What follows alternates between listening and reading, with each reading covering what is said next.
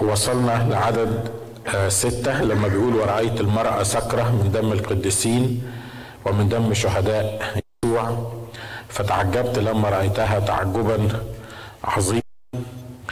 وقلنا المرة اللي فاتت إنه السكرة من دماء القديسين ومن دم شهداء يسوع.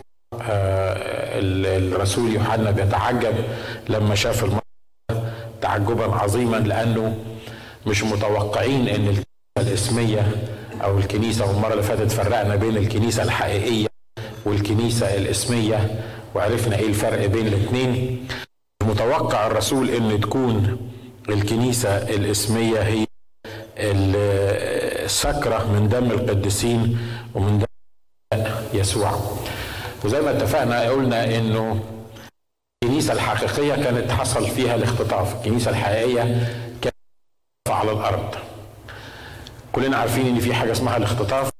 رب يسوع على السحاب وهيخطف إحنا المؤمنين به كل الذين قبلوه إلا أن يصيروا أولاد الله. تفتكروا بعد الكنيسة ما تطلع السحاب؟ هتفضل كنيسة في الأرض ولا مش هتفضل؟ طبعا. الأغلبية هيفضلوا على الأرض. برسنتج يعني أو نسبة أنا بحطها لكن الكتاب قال إن هو زي ما اتفقنا إن الباب ضيق والطريق قرب اللي بيؤدي للحياة الأبدية وقليلين هم.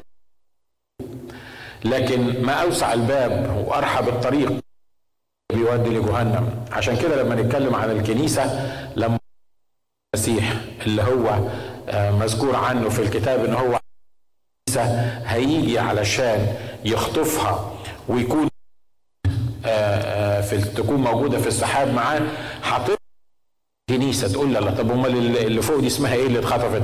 اسمها الحقيقية طب والكنيسة اللي موجودة على الأرض هي دي الكنيسة الإسمية اللي بنقول عليها إنها دي الكنيسة اللي الرب يسوع ما كانش وهي دي الكنيسة اللي الكتاب بيسميها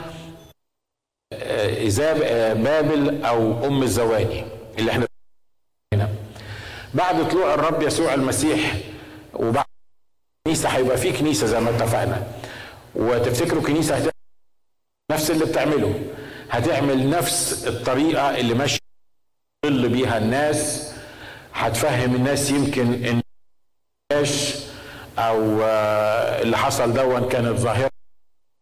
وزي ما قلت لكم قبل كده إن بتوع ال New Age يقولوا إن إبليس هيعمل اختطاف إن الشيطان اختطاف ال leader بتاع المجموعة دي واحد انه إنه الشيطان بتاعنا إيج موفمنت هو الاختطاف عشان ياخد المسيحيين اللي سماهم الزبالة فيقول لهم هياخد ويطلع بيهم.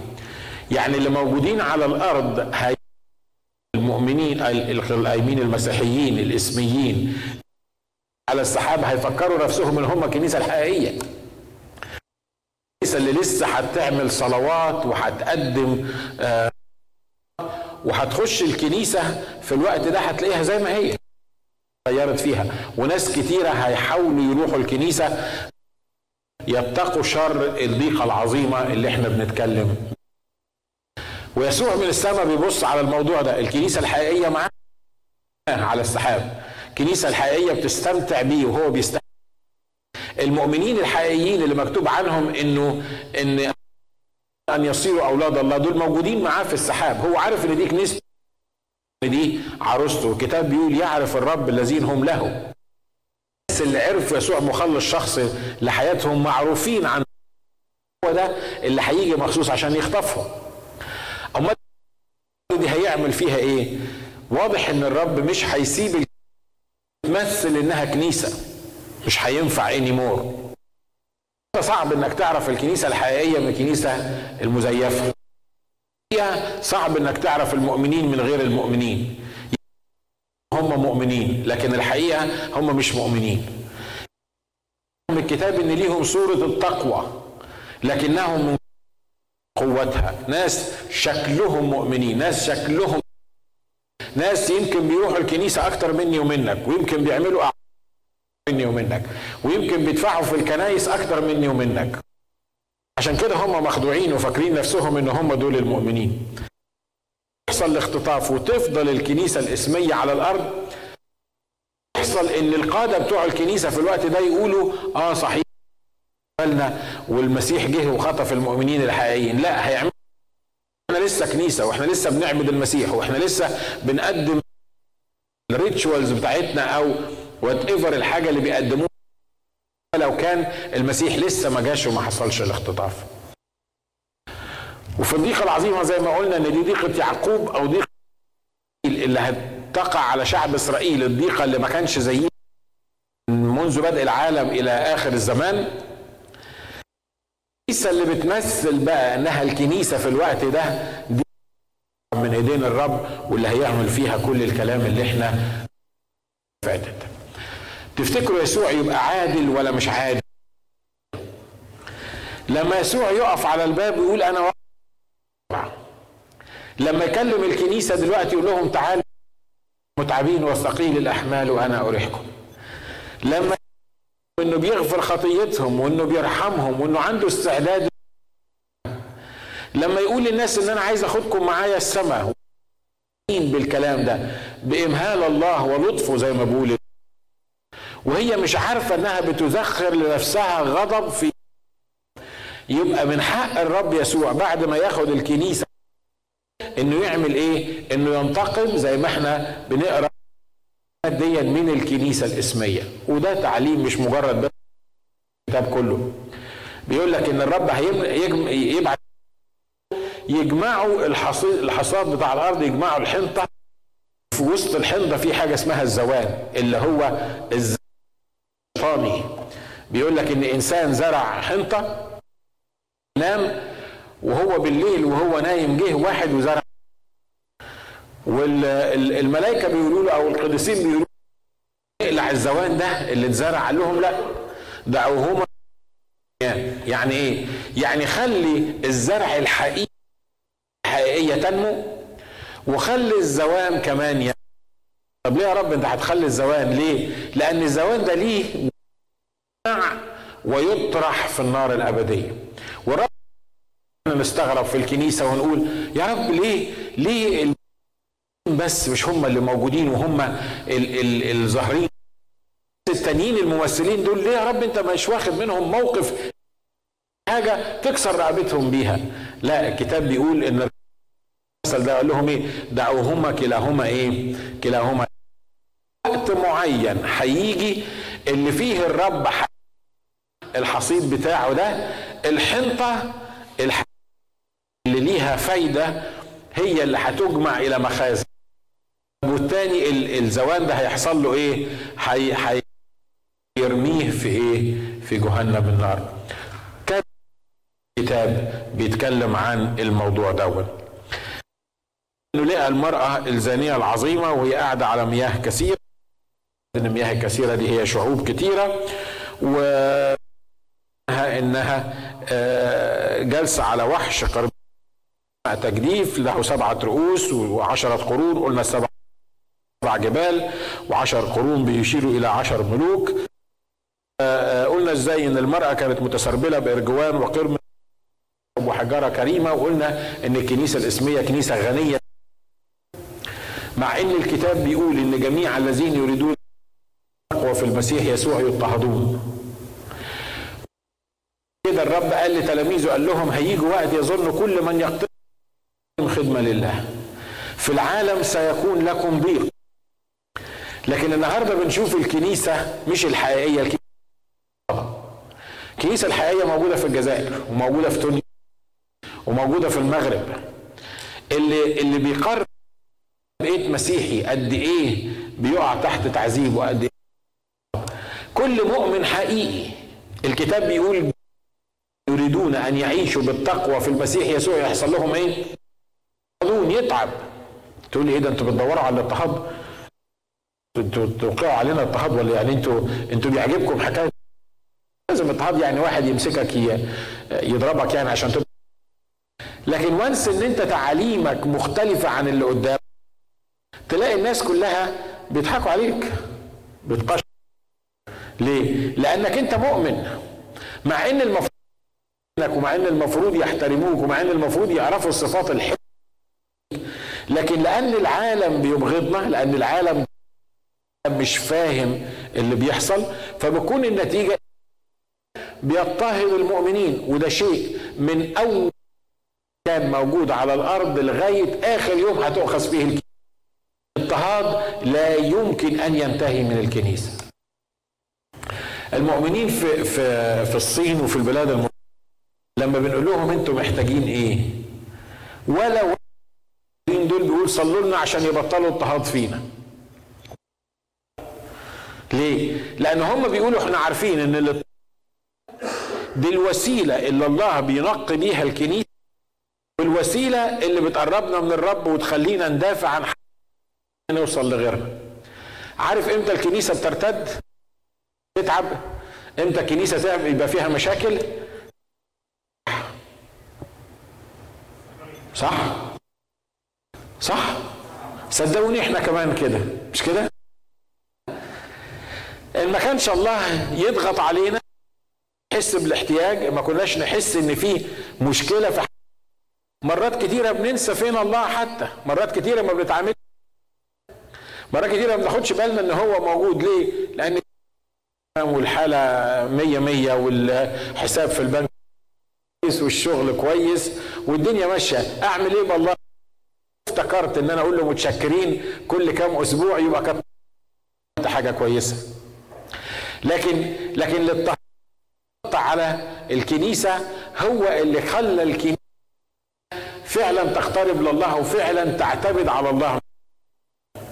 في بداية الكنيسة الأولى الكنيسة الأولى كانت اضطهادات كتير جدا. ليه؟ لأن الكنيسة الأولى كانوا المسيحيين وسط اليهود. اكشولي المسيحيين كانوا هم أصلا اليهود قبلوا الرب مخلص شخص لحياتهم وكان اللي واحد واحد يهودي يقول إن يسوع ده هو رب ولا يسوع الكتاب بيقول إن هم اتفقوا يعملوا إيه؟ يخرجوه من المجمع. ما ينفعش يصلي تاني ما ينفعش يقدم ذبائح تاني. ما ينفعش خالص. ليه؟ لأنه اعترف بيسوع المسيح مخلص شخص. إحنا إخوة أخوات اللي اتولدنا في المسيحيين إحنا خدنا المسيحية لايت كده خدنا المسيحية ببساطة. لكن لما تشوف الناس اللي ما هماش في المسيحية. اللي عايش في بيت إسلامي لما يقبل المسيح مخلص شخص لحياته يبقى عارف إن أول ما يعلن إنه هيقبل المسيح مخلص شخص لحياتي في بعض العائلات بتطرد ولادها وفي كل العائلات بتحاول إنها ترجع للدين بتاعهم. ليه؟ لأنه بيعتبروه شيم كبير. يقبل المسيح. عشان كده اللي بيقول من المسيحيين إن هو بقي مسيحي في معظم ما يبقاش لغرض تاني. ليه؟ لأنه مش هياخد كرامة. ده بالعكس هياخد تهزيء وهياخد اضطهاد. لكن بتلاقيهم بالمسيح وبالمسيحية وبتعليم المسيحية صدقوني. صح؟ لأن الكتاب قال اللي بيغفر ليه كثيرا كثيرا. لما بيجي يتخلص عن المسيحية. لما بيجي للرب يسوع بيجي ليه؟ لأنه ما اصلي مش هيستفيد حاجة في الأرض. ده بالعكس الأرض هيخسر كل حاجة عنده.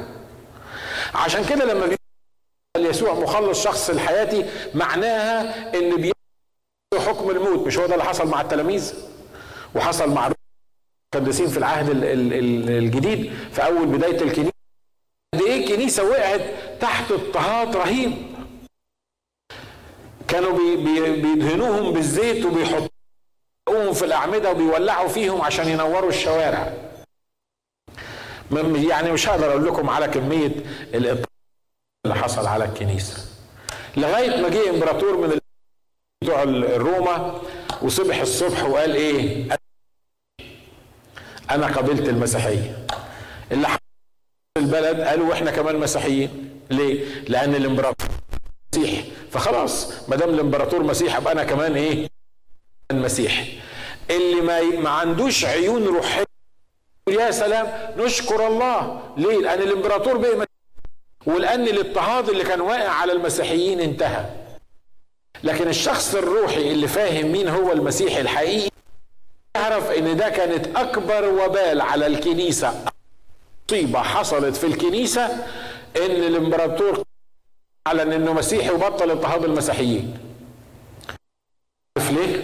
لأن دخلوا المسيحية ناس لأن قبلوا المسيح مخلص شخص لحياتهم مش دخلوا انه درسوها وفهموها وحياتهم.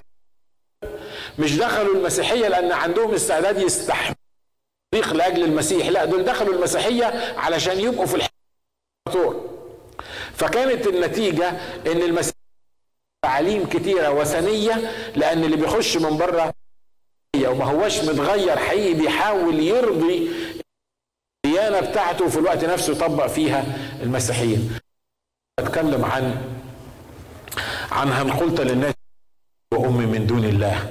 كان بيتكلم عن إيه؟ كان بيتكلم عن يقول في صوره من الصور بتاعته إنه بيقول بيسأل المسيح قلت للناس أنا وأمي اعبدوني؟ جابها منين دي مين قال إن المسيح قال دوني وأمي من دون الله؟ ما حصلش إن المسيح قال كده. دوني آه. لأن المسيح هو من حقه نعبده. لكن جابوا منين حكاية أمه دي؟ اعبدوني اعبدوني وأمي من دون الله. عارف جابوا أمه دي؟ من المسيحيين. جابوها إزاي الحكاية دي؟ لأن كان في في الوقت ده جماعة مريميين المريميين دول دول أصل بيعبدوا الشمس كانوا بيعبدوا آلهة السماء. ابتدوا يقتنعوا بالمسيحية بدماغهم. يروش حقيقي وما قبلوش المسيح. ودخلوا فحبوا يعملوا إيه؟ حبوا يصفوا عن آلهة السماء دي الإلهة بتاعت السماء وحطوا القديسة العذراء مريم مكانها. فقالوا بره المسيحية بنعبد إلهة بيسموها السماء عشان كده لما دخلنا المسيحية إحنا عايزين نعمل نعبد القديسة العذراء مريم بدل آلهة السماء اللي إحنا كنا إيه؟ كنا بنعمل ياخدوا شوية من الديانة الوثنية بتاعتهم حطوها في المسيحية علشان يعملوا توليفة الاثنين عرفت أصل الموضوع جه إزاي؟ فكانوا في المريميين موجودين في الجزيرة العربية بيقول لك تعبد المسيح وتعبد العذراء. الفكر اللي إحنا بنسمعه الأيام دي ما هوش جديد. عشان كده اللي نقل الصورة لكاتب القرآن قال له إيه؟ المسيحيين دول جماعة وحشين جدا. بيقولوا إن المسيح ونعبد أمه. طبعا لما كان لازم ينزل سورة بتتكلم عن الموضوع ده سأل المسيح وقال له هل قلت للناس أن اعبدوني وامي أنت واخد بالك اللي أنا عايز أقوله؟ اللي أنا عايز أقوله إن لما الله المسيحية الإسمية لما الله يقف ضد موجود في الكنيسة ده من حقه. ليه؟ لأنه للكنيسة عطى فرصة للناس عطى فرصة للم... إن تعالوا إلي أغفر لكم خطيتكم واطلق ذنوبكم وأكتب لكم الحياة الأبدية. تبقى مكتوبة في سفر الحياة. وتعالى خد مجاني. أنا مت لأجلك مجاني مش هتدفع حاجة. وخلص لحياتك وأنت هتضمن الحياة الأبدية. الناس في تصلف وفي عناد قالوا له لا ابعد عنا لا نصر. مش ده اللي بيحصل؟ بتروح تكلم البسيطة دي تعال اقبل المسيح هيغفر خطيتك وهينظفك وهيضمن لك الحياة الأبدية. يصلك ويقول لك الله كريم. طب ما هو إحنا قلنا حاجة. ما هو عشان الله كريم هو اللي بعت لك الرسالة. يا حبيبي إيه إيه المشكلة؟ ليه مش عايز تيجي؟ ليه مش عايز تسيح الرب في وقت من الأوقات قال لهم ماذا آباءكم من جو قولوا لي أنا عملت إيه معاكم غلط؟ أنا طول النهار ببسط يدي لشعب معاند. شعب رقبه أنا عايزك تيجي عشان أغفر خطيتك. أنا عايزك أضمن لك الحياة الأبدية. أنا عايزك تيجي علشان أنقلك للنور. أنت رايح جهنم وأنا مش عايز أوديك جهنم. عايزين إيه الناس؟ البشر عايزين إيه تاني من الرب؟ عشان كده من حقه في وقت بعد الكنيسة ما تختطف من حقه يعمل اللي عايز يعمله في الناس اللي موجودين على الأرض. لأن فرصة بتاعة الرحمة وبتاعة اضاعوها ومفيش فرصة تاني والله يحب لكنه عادل في نفس الوقت. عشان كده بيقول عن الزانية العظيمة دي. عدد سبعة بيقول ثم قال لي الملاك تعجبت. لماذا تعجبت؟ تعجبت عشان هي اللي حصل فيها كل الكلام ده. أنت بتتكلم عن الكنيسة؟ أنا أقول لك سر المرأة والوحش الحامل لها سبعة الرؤوس والعشرة القرون. رأيت كان وليس الآن هو عتيد أن يصعد من الهوية ويمضي إلى الهلاك. عايزين نفهمها حتة حتة دي. الوحش اللي أنت دي كان يعني مش موجود في وقت ده بقوته أو أو واحد أو كإمبراطورية معينة من الله.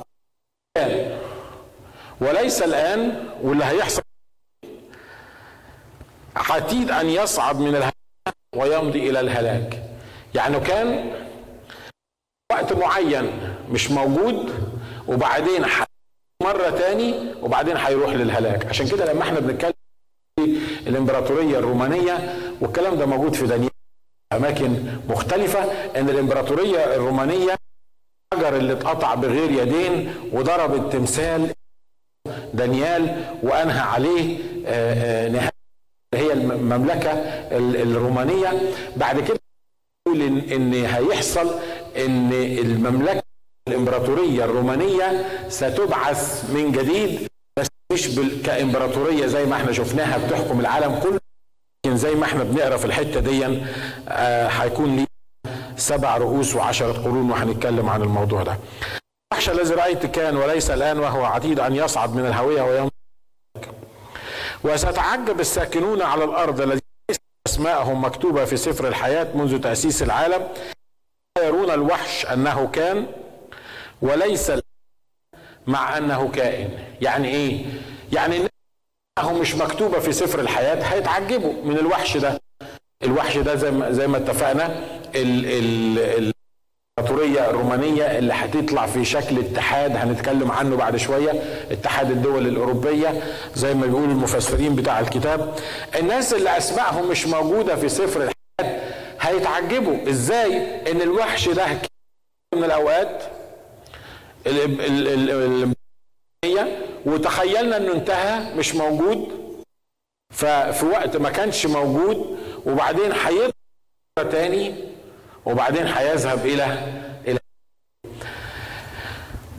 اللي أسمائهم مش مكتوب الحياة ما بيفهموش. لأن في حاجة اسمها الفهم الروحي. بيقول ليعطيك الرب إيه؟ فهما. يعني إيه؟ يعني الأمور اللي إحنا بنقولها محتاجة فهم روحي محتاجة الله يفسرها لينا محتاجة الروح القدس يكلمنا عليها. الناس اللي اتغسلوا بدم المسيح واللي يسمع الروح القدس هم دول الناس اللي بيفهموا الله اللي بيفهموا توقيتات الله اللي بيفهموا الزمان بتاع الله إمتى بالظبط يحصل كذا ويحصل كذا. واضح اللي عايز الناس اللي مش قادرة تفهم أو الناس اللي مش أسمائها مش مكتوبة في سفر الحياة ما فيهاش الروح القدس. بتبص لكل حاجة على أسماء يعني منذ أن رقد الآباء الكلام ده موجود. مثلا رب يسوع بيقول لهم تسمعون بحروب وأخبار حروب وزلازل ومجاعات وده مش هتبقى النهاية دي هتبقى مبتدأ الأوجاع. النهارده لما بتقف تقول للناس في حاجة اسمها زلازل وأوجاع ومش عارف مين ومش عارف إيه ومش عارف إيه. يقول لك ما ده زمان. هو ده يعني لسه حاجة جديدة؟ الزلازل والمجاعات والأوبئة حاجة جديدة؟ لسه يا دوبك يعني دي, دي موجودة من زمان. لا هي الناس اللي أسمائهم مكتوبة في سفر الحياة يقدروا يفهموا إن كمية الزلازل كمية الأعاصير كمية البراكين اللي شغالة كمية التسونامي اللي حاصل متهيألي متجمعة في الجيل اللي إحنا موجودين فيه ده مش كده؟ صح؟ الكتاب خلي بالكم بيقول مبتدأ الأوجاع، إيه حكاية مبتدأ الأوجاع دي؟ بيتكلم عنها زي ما اتكلمنا قبل كده إن دي ده تعبير طبي. لما لما المرأة البيبي كل شوية كل مثلا أربع خمس ساعات تحس إنها في وجع وبعدين تفضل مستنية ساعة أو اتنين أو ثلاثة وبعدين تفيل جالس لكن كل ما الولد قرب ينزل أو البنت قربت تنزل يحصل إيه؟ إن الفترة بتاعت الأوجاع تكون قريبة قريبة قريبة قريبة لدرجة تبقى بعد كده كل دقيقة أو كل دقيقتين بالكتير. مش مهم تقعد تفكر فيها كتير بس دي حاجة طبية اللي خلفوا عارفينها الحكاية دي. ده الاوجاع مبتدا الاوجاع بيقول إيه الكتاب بيقول إن أنتوا هتشوفوا والبراكين والمجاعات والحاجات دي بسرعة بسرعة بسرعة ليه؟ لأن كل ما ما العالم يعني يمشي شوية لقدام هتكتر الحاجات دي لغاية ما توصل لوقت الدليفري بتاع ال baby ده اللي إحنا بنتكلم عنه ما توصل للنهاية. مين اللي يشوف الحاجات دي؟ الناس اللي اسمائهم مكتوبة في سفر الحياة. الناس اللي بيشوفوا الناس اللي بيفهموا. قلنا المرة اللي فاتت إن الرب كان بيكلم الشعب بأمثال. راحوا التلاميذ يقولوا له ما تفهمش أنت بتتكلم بأمثال ليه؟ قال لهم ليكم أنتوا اعطي تفهموا أسرار ملكوت السماوات، ليه؟ لأن أنا جاي عشان اعلمكم أنتوا عشان أنتوا اللي هتاخدوا البشارة للناس، لكن الناس التانيين اللي أسمائهم مش مكتوبة في سفر الحياة مش هيقدر يفهم. أبسط الحقائق الإيمانية ما يقدرش يفهمها إلا الأس... الناس اللي اسمائها مكتوبة في سفر الحياة، أدي لك مثل. مين فينا بيشك إن الله الآب والابن الروح القدس إله واحد من المؤمنين المولودين من من فوق؟ ولا واحد فينا مش كده؟ تعال الواحد مسيحي مش مولود من الله. اسمه مش مكتوب في سفر الحياة. وقول له الحقيقة تلاقيه ضرب لك أخماس في أسداس ومش قادر يفهم ومش قادر ويقول لك إزاي؟ واشرحها لي وفهمها لي ودخلها في مخي. كلنا كنا كده مش كده؟ ها؟ كلنا كنا كده. ليه؟ لأنه عارف الحقائق المفروض الروحية اللي تروح عايز تفهمها الأول قبل ما تؤمن بيها. وبعدين نطلع مثل الله يسامحه اللي طلع بيقول لك الله عرفوه بالعقل.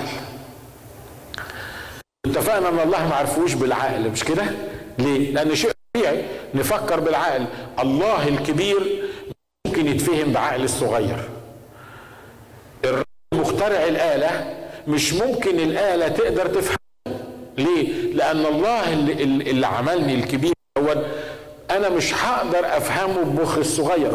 الله ما فهموش بالعقل. يقول لك شوف إن ما أقنعتنيش بالفكرة دي أنا مش هصدقها ولا أؤمن بيها.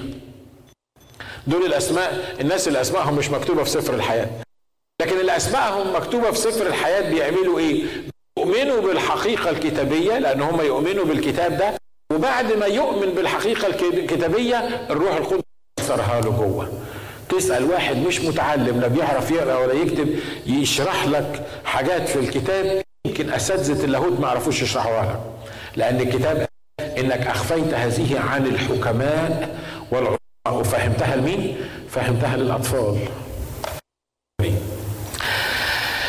الوحش الذي رأيته وليس الآن وهو عتيد أن يصعد من الهاويه ويمضي إلى الهلاك وست عجب الساكنون على الأرض الذين ليست أسماءهم مكتوبة في سفر الحياة منذ تأسيس العالم حينما يرون الوحش أنه كان وليس الآن مع أنه كان هنا الذهن الذي له الحكمة الذهن الذي له الحكمة اللي هو اللي صاحبه مكتوب في سفر الحياة اللي الرب يديله الحكمة سبعة الرؤوس هي سبعة جبال. عليها المرأة جالسه وإحنا اتفقنا إن السبع جبال دول دول موجودين في روما النهارده. وسبعة ملوك. خمسة سقطوا وواحد موجود والآخر لم يأتي بعد. ومتى أتى ينبغي أن يبقى قليلا. وده اللي كان حاصل أثناء الكتابة بتاعت الكلام ده. كان في أربع ملوك مقسمين الكوارترز بتاعت اورشليم بينهم الحكم بتاع الامبراطورية الرومانية والأربعة ضعفوا وانتهوا وبعدين كان في واحد خامس وبعدين بيقول واحد سبعة ملوك خمسة سقطوا وواحد موجود اللي كان موجود وقت كتابة الكلام ده والآخر لم يأتي بعد. مين الآخر الذي لم يأتي بعد ده؟ اللي هو هيبقى الريس على البلاد دي لما تتحد مع بعض اللي هيبقى الريس على الزانية العظيمة دي. واحد موجود والآخر لم يأتي بعد ومتى أتى؟ ينبغي أن يبقى قليلا والوحش الذي كان وليس الآن فهو ثامن. ليه؟ لأن سبعة موجودين إحنا اتفقنا.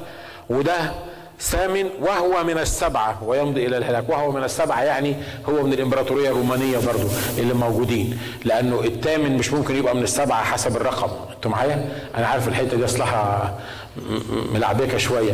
هم سبعة والثامن من السبعة مش معنى الثامن يعني إيه الثامن من السبعة؟ ما هم سبعة وواحد ثامن يبقى الثامن إزاي من السبعة؟ لا لما بيقول من السبعة مش بيتكلم من عدد السبعة لكن من أصل السبعة من نفس الإمبراطورية اللي بيتكلم عنها اللي هي الإمبراطورية الرومانية. فهو ثامن وهو من السبعة ويمضي إلى الهلاك. والعشرة والعشرة القرون التي رأيت هي هي عشرة ملوك لم يأخذوا ملكا بعد لكنهم يأخذون سلطانا كملوك ساعة واحدة مع الوحش. لما يطلع الوحش ده وإحنا اتفقنا إن الوحش دون ما حدش عارفه عشان نبقى يعني مخلصين. في ناس بيقولوا دلوقتي هو موجود في العالم وفي ناس بيقولوا ده نظام الكمبيوتر وكانوا في ناس بيقولوا إن هو ده بيل جيت نفسه الوحش. وفي ناس قالوا إن ده بوش الأب واللي قالوا ده ريجان واللي قالوا مش عارف مين كل ما يطلع واحد يعمل قصة كبيرة يقول لك هو ده الوحش اللي, اللي, اللي موجود. وإحنا حسب ما فهمنا من كلمة الله إن الوحش هيطلع من الإمبراطورية الرومانية الوحش هيطلع من روما. لكن هو موجود دلوقتي ولا مش موجود؟ في ناس بتجزم إن هو موجود بطريقة أو بأخرى. أنا ما أقدرش أفتي وأقول موجود ولا مش موجود لأني ما شفتوش. شوفه هقول عليه إن هو موجود ولا لأ وأشكر الله أنا وأنتم مش هنشوفه ومش عايزين نشوفه. آمين؟ مش محتاجينه إحنا إن إحنا نشوفه. والوحش الذي كان وليس الآن فهو ثامن وهو من السبعة يمضي إلى الهلاك والعشرة القرون التي رأيت هي عشرة ملوك. دي عشرة دول. لأن واضح لما يبقى في ملك يبقى في دولة. لم يأخذوا ملكا بعد لسه ما تجمعوش دلوقتي. لكنهم يأخذون سلطانا كملوك ساعة واحدة مع الوحش مع الوحش. هؤلاء لهم رأي واحد ويعطون الوحش قدرتهم وسلطانهم. ودول اللي هم بيتكلموا عنهم اللي هم تجمع الدول الأوروبية. ودي حاجة بيعملوها من سنين وواضح الشغل بتاعها الأيام دي هم ابتدوا فكرة اقتصادية. ليه؟ لقيوا ان أمريكا مسيطرة كتير على العالم. والاقتصاد بتاع البلاد مختلف في أماكن مختلفة فقالوا ليه إحنا الدول الأوروبية ما نجتمعش مع بعض ونعمل قوة اقتصادية نسميها السوق الاوروبيه الموضوع اتطور معاهم دلوقتي بيعملوا وحدة بحيث إن حتى المصاري بتاعتهم عايزين يوحدوها. زمان ما كناش بنسمع عن اليورو مش كده؟ كانت فرنسا فيها الفرنك وكانت ألمانيا فيها مش عارف مين وكانت إنجلترا مش عارف فيها إيه. دلوقتي إنجلترا لسه ما دخلتش معاهم لكن ال ال ال الدول الأوروبية دي اللي بتتحد قرروا إنه يعملوا إيه؟ يعملوا عملة واحدة. فدلوقتي عاملين مجلس اقتصادي واحد السوق الأوروبية وبعدين آدي عملة واحدة كمان عملوها اليورو ولسه بلاد تانية هتخش معاهم. وآخر حاجة هيعملوها هيعملوا حكومة واحدة. اللي هي بنتكلم عنها اللي هو الوحش اللي جالسة عليه الزانية العظيمة دي. هيعملوا حكومة واحدة تتكون من الملوك دول الملوك العشرة. البعض بيقول إن هم عشر ملوك لكن السوق الأوروبية دلوقتي فيها 12 واحد. فالبعض بيقول إن هم عشر ملوك معناها عشر دول. والبعض بيقول إن ده رقم رمزي. رقم عشرة معناها رقم الكمال الإنساني إن تجمع الإنسان مع بعض آه 12 وثلاثة دول الكمال الإلهي لكن رقم عشرة الكمال الإنساني بيقول لك لأن الإيدين فيها عشرة والرجلين فيها عشرة. يعني ما توجعش دماغك بالحسابات دي. لكن الناس بيقولوا على العشر ملوك دول أو العشر دول دول دول عبارة عن ممثلين للسوق الأوروبية اللي هيتحدوا مع بعض. وهيدوا الوحش اللي طالع من روما السلطان بتاعه يعني هيخلوه هو يبقى الريس على البلاد تقول لي هم الناس مش مذاكرين الكتاب؟ صدقني حتى اللي مذاكرينه بيمشوا بينفذوا الأوامر والأمور الكتابيه بطريقة أوتوماتيكية لأن لما الله يقول هيحصل يبقى هيحصل. النهارده البلاد الأوروبية عايزة تعمل حكومة واحدة. ليه؟ لأن لما بتاخد فيزا دلوقتي في في البلاد السوق الأوروبية زمان لما كنا ناخد فيزا لفرنسا ما تخش بيها مثلا دولة تاني إيطاليا من من الدول. ليه؟ لأنك لازم تاخد فيزا هنا ولازم تاخد فيزا هنا. النهارده لما بتروح تاخد فيزا بلد من من البلاد دي بتاعت السوق الأوروبية أنت بتاخد فيزا كل البلاد. أنت. أوروبا بالفيزا الوحيدة اللي بتاخدها كل البلاد المتفق المتفقة مع بعض. ده النظام العالمي الموحد اللي إحنا بنسمع عنه اللي البلاد دي كلها عايزة تتحد عشان تعمل حكومة واحدة حاجة اقتصادية واحدة عملة واحدة. حي الوحش هو هيبقى المسؤول عن العملية دي وهو اللي هيبقى الرئيس. والملوك دول هيدوا القوة بتاعتهم لأنه لما البلاد الأوروبية دي بتجتمع بكل المصاري بتاعتها وكل الإمكانيات السياسية وال والاقتصادية هتبقى ليها كلام كبير. النهارده بتوع السوق الأوروبية عايزين يدخلوا حاجة بتحصل في الدنيا، زمان كنا بنسمع عن أمريكا وعن الاتحاد السوفيتي بس المعسكر الشرقي والمعسكر الغربي. هما الاثنين دلوقتي في حاجة اسمها دول أوروبا موجودة في أي مشكلة في العالم في أي حاجة بتحصل في العالم هم موجودين. إن هم لم يأخذوا ملكا بعد طبعا ساعة ما بنكتب الكتاب إنهم يأخذون سلطانا كملوك ساعة واحدة مع الوحش وده بيقول إن هذا الاتحاد الأوروبي مش هيقعد كتير. هو ابتدى من إمتى؟ ابتدى من كام سنة؟ والكتاب بيقول عنهم ان هم هيملكوا ساعة. واضح إن مش ساعة معناها 60 دقيقة. يعني هيطلع الوحش ويملك لمدة 60 دقيقة. لا لكن لما بيتكلم بيقول ساعة معناها إن هي زمن بسيط جدا. لأن ألف عند الرب كإيه؟ كيوم ويوم زي إيه؟ زي ألف سنة. فلما بيقول ساعه هنا بيتكلم عن إن هم هيطلعوا وينتهوا بسرعة. بعد كده مش هيستمروا كتير. وده اللي بيأكد لنا إن ما دام السوق الأوروبية وما دام الدول الأوروبية دي تتحد مع بعض معناها لمدة ساعة لزمان يسير وهيحصل النهاية. عشان كده لما نقول إن الرب يسوع جاي بسرعة إحنا مش بنألف بنخرف لكن إحنا بانيين الكلام ده على الكلمة النبويه خلي بالك ما حدش يعرف يسوع إمتى. واللي يجي لك عاد يسوع هيجي في إمتى؟ يبقى كذاب. أنتوا معايا؟ لأن لما سألوا الرب يسوع نفسه إمتى هتيجي قال لهم حسب الجسد يعني ولا ابن الانسان يعرف الميعاد ده. دي حاجة جعلها الاب في سلطانه عشان كده اللي بيطلعوا على التلفزيون واللي بيطلعوا في الراديو واللي بيعملوا نفسهم أنبياء وبيقول لك إنه إن المسيح جاي سنة 85 ولا المسيح كان المفروض يجي سنة 92 ولا 94 دول كذابين. هم نفس الناس دول اللي بيكذبوا في الميعاد بتاع مجيء الرب يسوع المسيح توقع إن هم يكذبوا في أي حاجة. لما يطلع نفس الشخص اللي قال لنا إن المسيح جاي من كام سنة وبعدين اعتذر وبعدين غير التاريخ اللي هيجي فيه المسيح لما يطلع يقول لك مفيش معمودية روح القدس والتكلم بألسنة قول له أنت كذاب. زي ما أنت قلت قبل كده إن المسيح جاي وطلعت كذاب. أنت معايا؟ والكتاب بيقول إن في الأيام الأخيرة هيبقى فيه مضلون إيه؟ كثيرون. عدد 13 بيقول هؤلاء لهم رأي واحد. واضح انها اتحاد. اتحاد دول ليهم رأي واحد. ويعطون الوحش قدرتهم وسلطانهم. الوحش اللي هيطلع ده هيحكم في العالم ده هياخد قدرة وسلطان الدول والملوك اللي هم هيتحدوا مع بعض. لو وصلت للموضوعات السياسية والموضوعات الاقتصادية والاتحاد الدولي وخلصنا على كده يبقى خير وبركة. لكن خلي بالكم دول هيعملوا إيه؟ هؤلاء سيحاربون الخروف. مين الخروف ده؟ الرب يسوع مش كده؟ والخروف يغلبهم لأنه رب الأرباب وملك الملوك والذين معه مدعوون ومختارون ومؤمنون. ثم قال لي المياه التي رأيت حيث الزانية جالسه هي شعوب وجموع وأمم وألسنة. أما العشرة القرون التي رأيت على الوحش فهؤلاء سيبغضون الزانية وسيجعلونها خربة وعريانة ويأكلون لحمها ويحرقونها بالنار. خلي بالكم إن الاتحاد ده اللي اتحدوا مع بعض وليهم رأي واحد هيتحدوا مش بس عشان يعمروا الدنيا وعشان يكتروا الاقتصاد وعشان يحطوا بالانس للعالم اللي إحنا موجودين فيه لكن ال الاتحاد بتاع البلاد دي هيعمل ضد الخروف هيحارب الخروف هيحارب الرب يسوع المسيح. تقول لي إزاي يعني هيحارب الرب يسوع المسيح؟ في حد يقدر يحارب الرب يسوع المسيح؟ آه صدقني في ناس كتيرة بتحارب الرب يسوع. مش كده؟ النهارده كل الحركات اللي طالعة الالحاديه اللي موجودة دي فاكرة إنها هتغلب الخروف.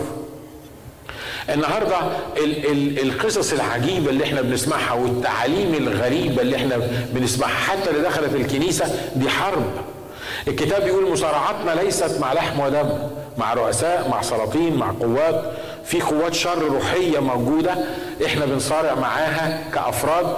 والجماعة دول لما يتحدوا هيصنعوا حرب مع الخروف. خلي بالكم دول هيصنعوا نوعين من الحرب.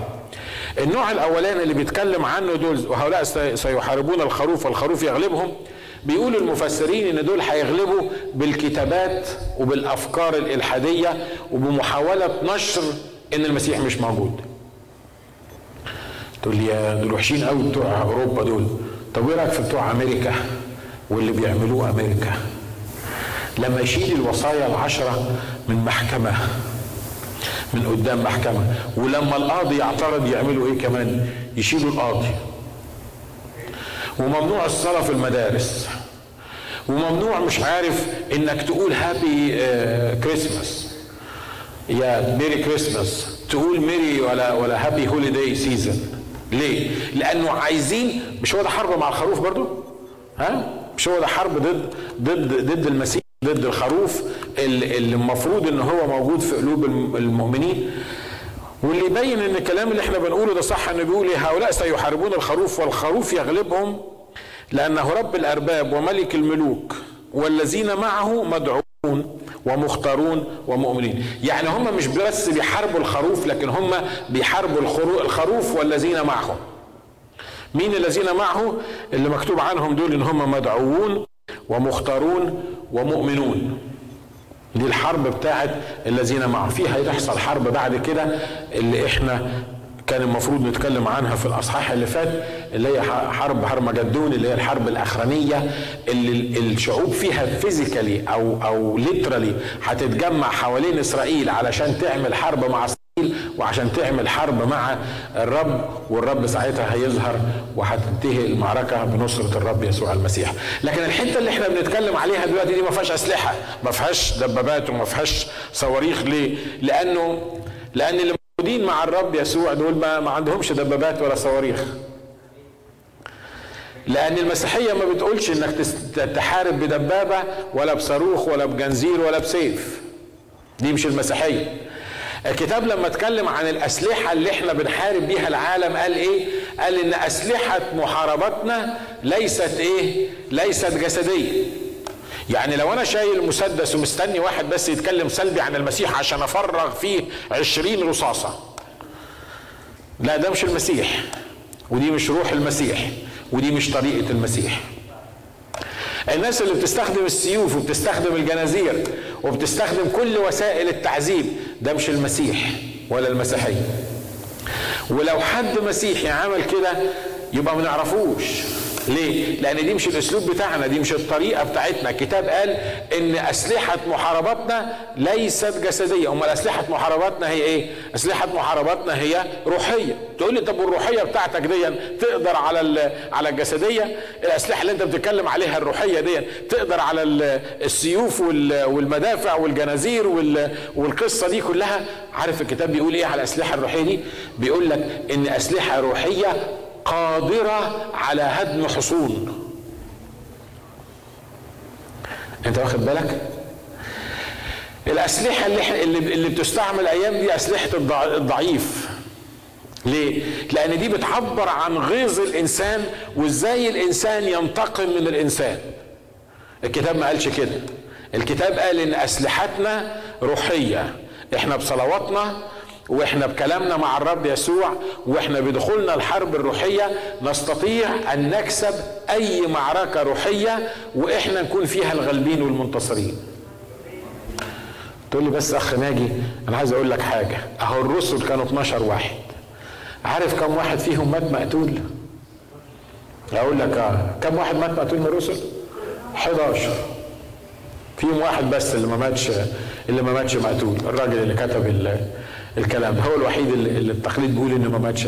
الله طب ما أنت بتقول أهو إن أسلحة محارباتنا روحية. ليه الرسل دول ما حاربوش بالأسلحة الروحية بتاعتهم بحيث إن هم نجوا نفسهم من الموت؟ ليه ما شاولوش روحيا على الناس وقالوا لهم إن يعني يبعدوا عننا ولا ولا ينتصروا على خلي بالكم إن الوحي قصد والرب قصد إن ال11 من ال12 رسول يموتوا مقتولين ويموتوا معذبين واللي مات فيهم منكس الرأس واللي مات فيهم مصلوب upside down زي ما بيقولوا. ليه؟ لأن الرب كان بيستخدم الكلام ده في إنه يفتح الشعوب والأمم والألسنة. شكلهم شكلهم ضعفاء شكلهم مغلوبين شكلهم مهزومين. لما الرسول بطرس يموت منكس الرأس ومصلوب تقول يا سلام على الافتراء الرسول بطرس مات خسران خسر المعركة. لا ما خسرش المعركة اولا لأنه راح عند ملك الملوك ورب الأرباب. ثانيا ساب لي أنا وأنت مثال يحتذى إن إحنا لم نجاهد بعد حتى الدم إن إحنا عايزين نجاهد زي ما هو جاهد. الحاجة الثالثة تعرف إن موت الرسل دول مقتولين هي أكتر حاجة بتغير المسلمين عارف ليه؟ لأن بيقولوا بيقولوا لو كان 11 من ال 12 ماتوا مقتولين لأن هم ما رضوش ينكروا موضوع قيامة المسيح. يبقى قيامة المسيح مظبوطة ولا لأ؟ صح؟ اللي يكذب كذبة ويقول إن المسيح قام وهو ما قامش يبقى يبقى عنده هدف. يبقى يبقى لازم هيستفيد حاجة. مش كده؟ لما تجيب 11 بيشهدوا التقليد اليهودي بيقول على فم اثنين أو ثلاثة كل كلمة بتصدق. لكن دول كانوا كام؟ كانوا 11 واحد. قالوا لهم اوعوا تنادوا في المسيح بالقيام. عايزين تقولوا إنه اتصلب؟ قولوا إنه اتصلب. عايزين تقولوا ان هو نبي؟ قولوا إنه نبي. عايزين تقولوا إنه بيعمل معجزات؟ بيعمل معجزات. قولوا أي حاجة عن المسيح إلا إنه قام من الأموات. ليه؟ لأنه عارفين إن النقطة المحورية في الموضوع هو إيه؟ قيامة من الأموات، لأن المسيح لو اتصلب وما قامش كنا استفدنا إيه؟ إحنا إيه؟ ما كناش استفدنا حاجة، كان المسيح كانوا هم طلعوا علينا اليهود وقالوا شفتوا مش قلنا لكم؟ ده كان راجل غلط وكان راجل مش كويس عشان كده مات بذنبه زي ما هم بيقولوا. لكن عشان يشهدوا إن المسيح قام من الأموات يبقى معناها إن الله موافق إن ده الله الظاهر في الجسد موافق على إن المسيح لم يعمل خطية ولم يكن في فمه غش واحد من المسلمين قال يا جماعة إحنا بنشك في حقيقة القيامة دي لكن ده في 11 واحد من تلاميذ المسيح ماتوا مقتولين علشان ما ينكروش حقيقة القيامة. تفتكروا الناس دول كانوا مجانين بيموتوا في سبيل كذبة؟ انت واخد بالك من الرب بيعمل إيه؟ يبان ان إحنا مش منتصرين يبان ان الرسل ماتوا مقتولين ماتوا مهزومين لكن الكتاب بيقول إن مات يتكلم بعده. وهو ميت. سبب الموت بتاعه هو اللي بيربح نفوس للمسيح لغاية النهاردة وبيؤكد إن الحقائق المسيحية حقائق سليمة مية في المية. علشان كده لازم نفهم. بيقول لك إن دول هيعملوا حرب مع الخروف والخروف يغلبهم. طبعا لازم الخروف يغلبهم. ده الخروف ممكن ينفخ فيهم نفخة من فمه. بيقول لك إذا جاء العدو كنهر فنفخة الرب تبيده. يعني الرب بس ينفخ. تتبان بيقول لك عن الجبال ذابت الجبال مثل الشمع. عارف الشمع؟ لما يكون عندك شمعة كده وتولع فيها ولعة جامدة يقول لك إيه؟ ذابت الجبال مثل الشمع أمام الرب أمام سيد الأرض كلها. يبقى هنا مش مش مش غريب إن الخروف يغلبهم. يغلبهم ليه؟ لأنه رب الأرباب وملك الملوك. مين رب الأرباب وملك الملوك ده؟ ده اسم الرب يسوع مش كده؟ صفة واسم من أسماء الرب يسوع. مين ال الإنسان اللي يمكن أن يقال عنه إنه رب الأرباب؟ هل في إنسان في الدنيا يصلح إن إحنا نقول عنه إنه رب الأرباب؟ في إنسان نقدر نقول عنه ملك ملوك. نبوخذ نصر كانوا بيقولوا عنه ملك ملوك. بس خلي بالكم هنا بقول ملك الملوك كلهم. لكن مين الإنسان اللي نقدر نقول عليه رب الأرباب؟ الإنسان الذي يقال عليه رب الأرباب يبقى خد صفة من صفات الله والإنسان اللي يقال عليه إنه ملك الملوك يبقى خد صفة من صفات الله يبقى الإنسان الذي يقال عليه رب الأرباب وملك الملوك هو الله. لأنه ما ينفعش حد تاني يتقال عليه ملك الملوك ولا رب الأرباب. لكن لو الوحي عطى الرب يسوع هذا الاسم انه ملك الملوك ورب الارباب يبقى أنا مش محتاج اثبت لك ان يسوع هو الله. ليه؟ لأن اسماءه بتقول كده. يبقى الانسان الذي ياخذ هذه الصفات وهذه الاسماء لا يمكن ان يكون غير الله. ولو كان يسوع هو الله يبقى عظيم هو سر التقوى. الله ظهر في الجسد. آمين. اللي مع الرب يسوع ونختم بالحكاية دي. أنا عارف إن إحنا مش هنقدر نخلص الكلام عن الموضوع ده. بيقول لك إن الذين معه المؤمنين دول اسمهم إيه؟ اسمهم مدعوون. يعني إيه مدعوون؟ يعني قدمت ليهم الدعوة. ناس مدعوين قدمت ليهم الدعوة علشان يكونوا مع الرب يسوع وعلشان يتمتعوا بالشركة مع الرب يسوع. تقول لي يا بختهم دول أمال أنا الرب يسوع ما دعانيش ليه؟ لا دعاك. ما سمعتهوش هو بيقول لك تعالى إلي وأنا أريحك. ما سمعتهوش هو بيقول من يقبل إلي لا أخرجه خارجا. ما سمعتوش هو بيدعيك عشان تروح معاه الملكوت. كم واحد فينا لبى الدعوة بتاعت الرب يسوع اوعى تكون لسه موجود وانت انت انت انت مدعو خلي بالك. انت مدعو انت جاي لك دعوة باسمك. انت انت الرب يسوع بيشاور عليك باسمك وبيقول لك أنا عايز اخدك معايا السماء. انت باسمك. مش الدعوة للكنيسة واللي يجي يبقى كويس. لا ده الكتاب بيقول إن الدعوة دي دعانا دعوة كل واحد لوحده على أساس إن إحنا نيجي معاه ونخش النعيم الأبدي بتاعه. مدعوون دي فهمناها ودي سهلة. ومؤمنون واضح إن أنا لما أصدق الدعوة دي وأؤمن بيها أبقى مؤمن. بمعنى إن في ناس مش قادرة تصدق الدعوة دي. في ناس نقول لهم تعالى سلم حياتك للمسيح. أنت خاطي ولا مش خاطي؟ بعضهم بيقول لا وبعضهم بيقول آه. خلينا في الناس المتواضعين اللي بيقولوا آه. أنت خاطي؟ آه خاطي. طب هتروح فين لو مت؟ هروح جهنم. طب إيه رأيك يا عم؟ أنت عندك دعوة إنك تفلت من جهنم وتيجي السماء. يقول لك يا سلام. بالبساطة دي عايزني أعمل إيه؟ قول يا حبيبي للرب يسوع انك إنك خاطي ورايح جهنم. وقول له يا رب ارحمني وخلصني واغفر خطيتي وانت مت عشاني وصليبك يغير حياتي وتضمن لي الحياة الابديه يقول لك بالبساطة دي تقول الكلمتين دول يعني تدخل الحياة الأبدية. يا حبيبي آه الكتاب قال كده. الكتاب بيعلمنا كده. يقول لك مش معقولة. أنا هروح أحسن من نفسي. أنا هروح أوضب نفسي. أنا أصلا ما أقدرش أخش الكنيسة لأن أنا إنسان خاطي ده أنا إنسان شرير. أنا هروح أوضب نفسي وأخلي نفسي كويس وبعدين آجي للرب يسوع. لا يا حبيبي. الكتاب بيقول الرب مجاه لم يأتي لا يحتاج الأصحاء إلى لا يحتاج الأصحاء إلى طبيب بل المرضى. يعني الرب لما دعاك كان عارف إنك مريض. سامحني في التعبير أنا وأنت. بلاش أنت أنا ومتخلف كمان. ومش عايز وعندك غباء روحي. ومش عايز تقبل مال روح الله. حد تاني زيي في القاعدين نشكر الله. أنا واحد منهم. يعني لما دعانا الرب ما تخافش فينا. كان عارف إحنا مين. كان عارف إن إحنا أشرار. بيقول لك ربما لأجل البار يكسر أحد أن يموت. لكن الله بين محبته لنا ونحن بعد خطاة مات المسيح لأجلنا. ده بيقول مات عشان الفجار كمان. يعني لما دعاك كان عارف إنك خاطي وعارف إن أنا خاطي وفاجر ورايح جهنم وقال أنا جيت مخصوص علشان أوديه السماء. اللي يصدق اللي يؤمن ينتقل من الظلمة للنور ومن الموت للحياة. يبقى دول مدعوين وإيه؟ ومؤمنين. الحتة اللي في النص هي صعبة شوية. ودي هنكملها المرة الجاية. بيقول لك إن دول كمان اسمهم إيه؟ مختارين. يعني إيه حكاية مختارين دي؟ بسرعة نقول. يعني الرب دعا الكل. في ناس صدقت الدعوة بتوعه بتاعته. هم دول اللي اختارهم يخشوا معاها الحياة الأبدية. واضحة؟ سهلة مش كده؟ يعني إيه؟ يعني الدعوة كانت للجميع. الرب لما عمل عرس ودعا الناس معينين وما رضوش يجوا بيتكلم عن إسرائيل هنا قال للعبيد يطلعوا يعملوا إيه؟ اطلعوا في الشارع ادعوا كل الناس. هاتوا العمي والعرج وال... والعز... هاتوا كل الناس اللي موجودين. تعالوا أنا عايز كل الناس يجوا ال... ال... هكذا أحب الله الإيه؟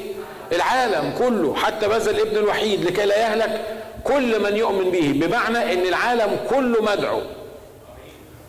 الله لا يشاء أن يهلك أحد بل أن يقبل الجميع إلى التوبة. في ناس صدقت الكلام ده وامنت بيه باسمهم المؤمنين. آه أنا يا رب صدقت الدعوة بتاعتك. أنا عارف إن أنا لو جيت لك هتغير حياتي. أنا باجي لك عشان تغير حياتي. يقوم الرب يقول لك إيه؟ الكلام ده مظبوط. أنت الشخص المختار للحياة الأبدية. واضح؟ البعض بيقول إن ربنا عين ناس يوديهم جهنم وناس يوديهم السماء. تقول له إزاي؟ يقول لك مزاجه يا أخي مش هو ربنا؟ هو حر. أنت هتقول له إزاي؟ من أنت الذي يعني تحاكم جابلك ولا الجبلة؟ إزاي تقول لجابلها الكلام ده؟ ولو الرب اختار شوية يروحوا جهنم وشوية يروح السماء ما كانش قال إن الله يريد أن جميع الناس يخلصون؟ مش كده ولا إيه؟ انت معايا؟ لو الرب عين ناس زي ما بيقولوا للحياة الأبدية يعني جاب عشرين واحد حطوهم كده وقعد يفرز فيهم. number واحد هيروح السماء number اثنين وثلاثة هيروحوا جهنم number خمسة يروح السماء number ستة يروح السماء number سبعة يروح جهنم. يبقى انت بشرتني ما بشرتنيش كلمتني ما كلمتنيش دعتني ما دعتنيش أنا مش بإيدي. ليه؟ لأن لو كان ربنا اختارني هروح جهنم هروح جهنم، لو كان ربنا اختارني أروح السماء هروح السماء. وهذا لا يتناسب مع عدل الله. لكن اللي حصل هو إيه؟ أن الجميع زاغوا وفسدوا ليس من يصنع صلاحا ليس ولا واحد. يبقى كلنا محكوم علينا بإيه؟ محكوم علينا بالموت. أما الله قرر في رحمته الكثيرة إنه يرحمنا فقدم الدعوة لكل الناس اللي موجودين. في ناس من الموجودين اللي بيقول عنهم الكتاب دول اللي هم مدعوين ومختارين ومؤمنين صدقوا الدعوة دي وتجاوبوا مع الدعوة دي لأن لأن الله الآب جذبهم أيضا للإبن. فكانت النتيجة أن هم تجاوبوا مع هذا الموضوع واعترفوا بخطيتهم وسلموا حياتهم للمسيح. اللي عمل كده بقى هم دول المختارين.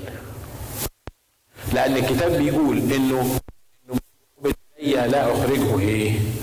لا أخرجه خارجا. نظرية القضاء والقدر نظرية غير مسيحية. نظرية القضاء والقدر بيقول إنه إنه كتبها على على جبهتك كده كتابا موقوتا. يعني إيه؟ يعني زي ما ربنا عايز يعمل فيك هيعمل فيك. يدخلك جهنم هيدخلك جهنم. شوف قلت له ارحمني ما ترحمنيش. غيرني ما تغيرنيش. أنا تايب أنا راجع أنا بر... أنا أنا بعترف بيك. كل الكلام ده ما يفرقش. لو عايز يدخلك جهنم هيدخلك جهنم. لو عايز يدخلك السماء هيدخلك السماء. هل ده يتناسب مع عدل الله؟ لكن وعادل بيقدم الدعوة وهو بيختار من اللي موجودين. انه يقدم الدعوة لكل واحد. اللي بيلبي الدعوة دي بيختاره بيقول له تعالى انت تخش السماء وانت تعالى هتخش السماء وانت تعالى هتخش السماء وانت تعالى هتخش السماء على أي أساس الموضوع ده؟ على أساس إن أنا صدقت اللي قاله الرب. إن أنا آمنت باللي بيقوله الرب. أنا عارف إن فكرة الموضوع الاختيار في كلام كتير لكن كفاية علينا كده في الحتة دي إن إحنا نعرف إن الرب اختارنا فيه قبل تأسيس العالم ودعانا دعوة آه واضحة عشان نيجي. ولما صدقنا إحنا أصبحنا من المختارين. Maybe next week نقدر نتكلم شوية عن الموضوع ده. مجدا للرب.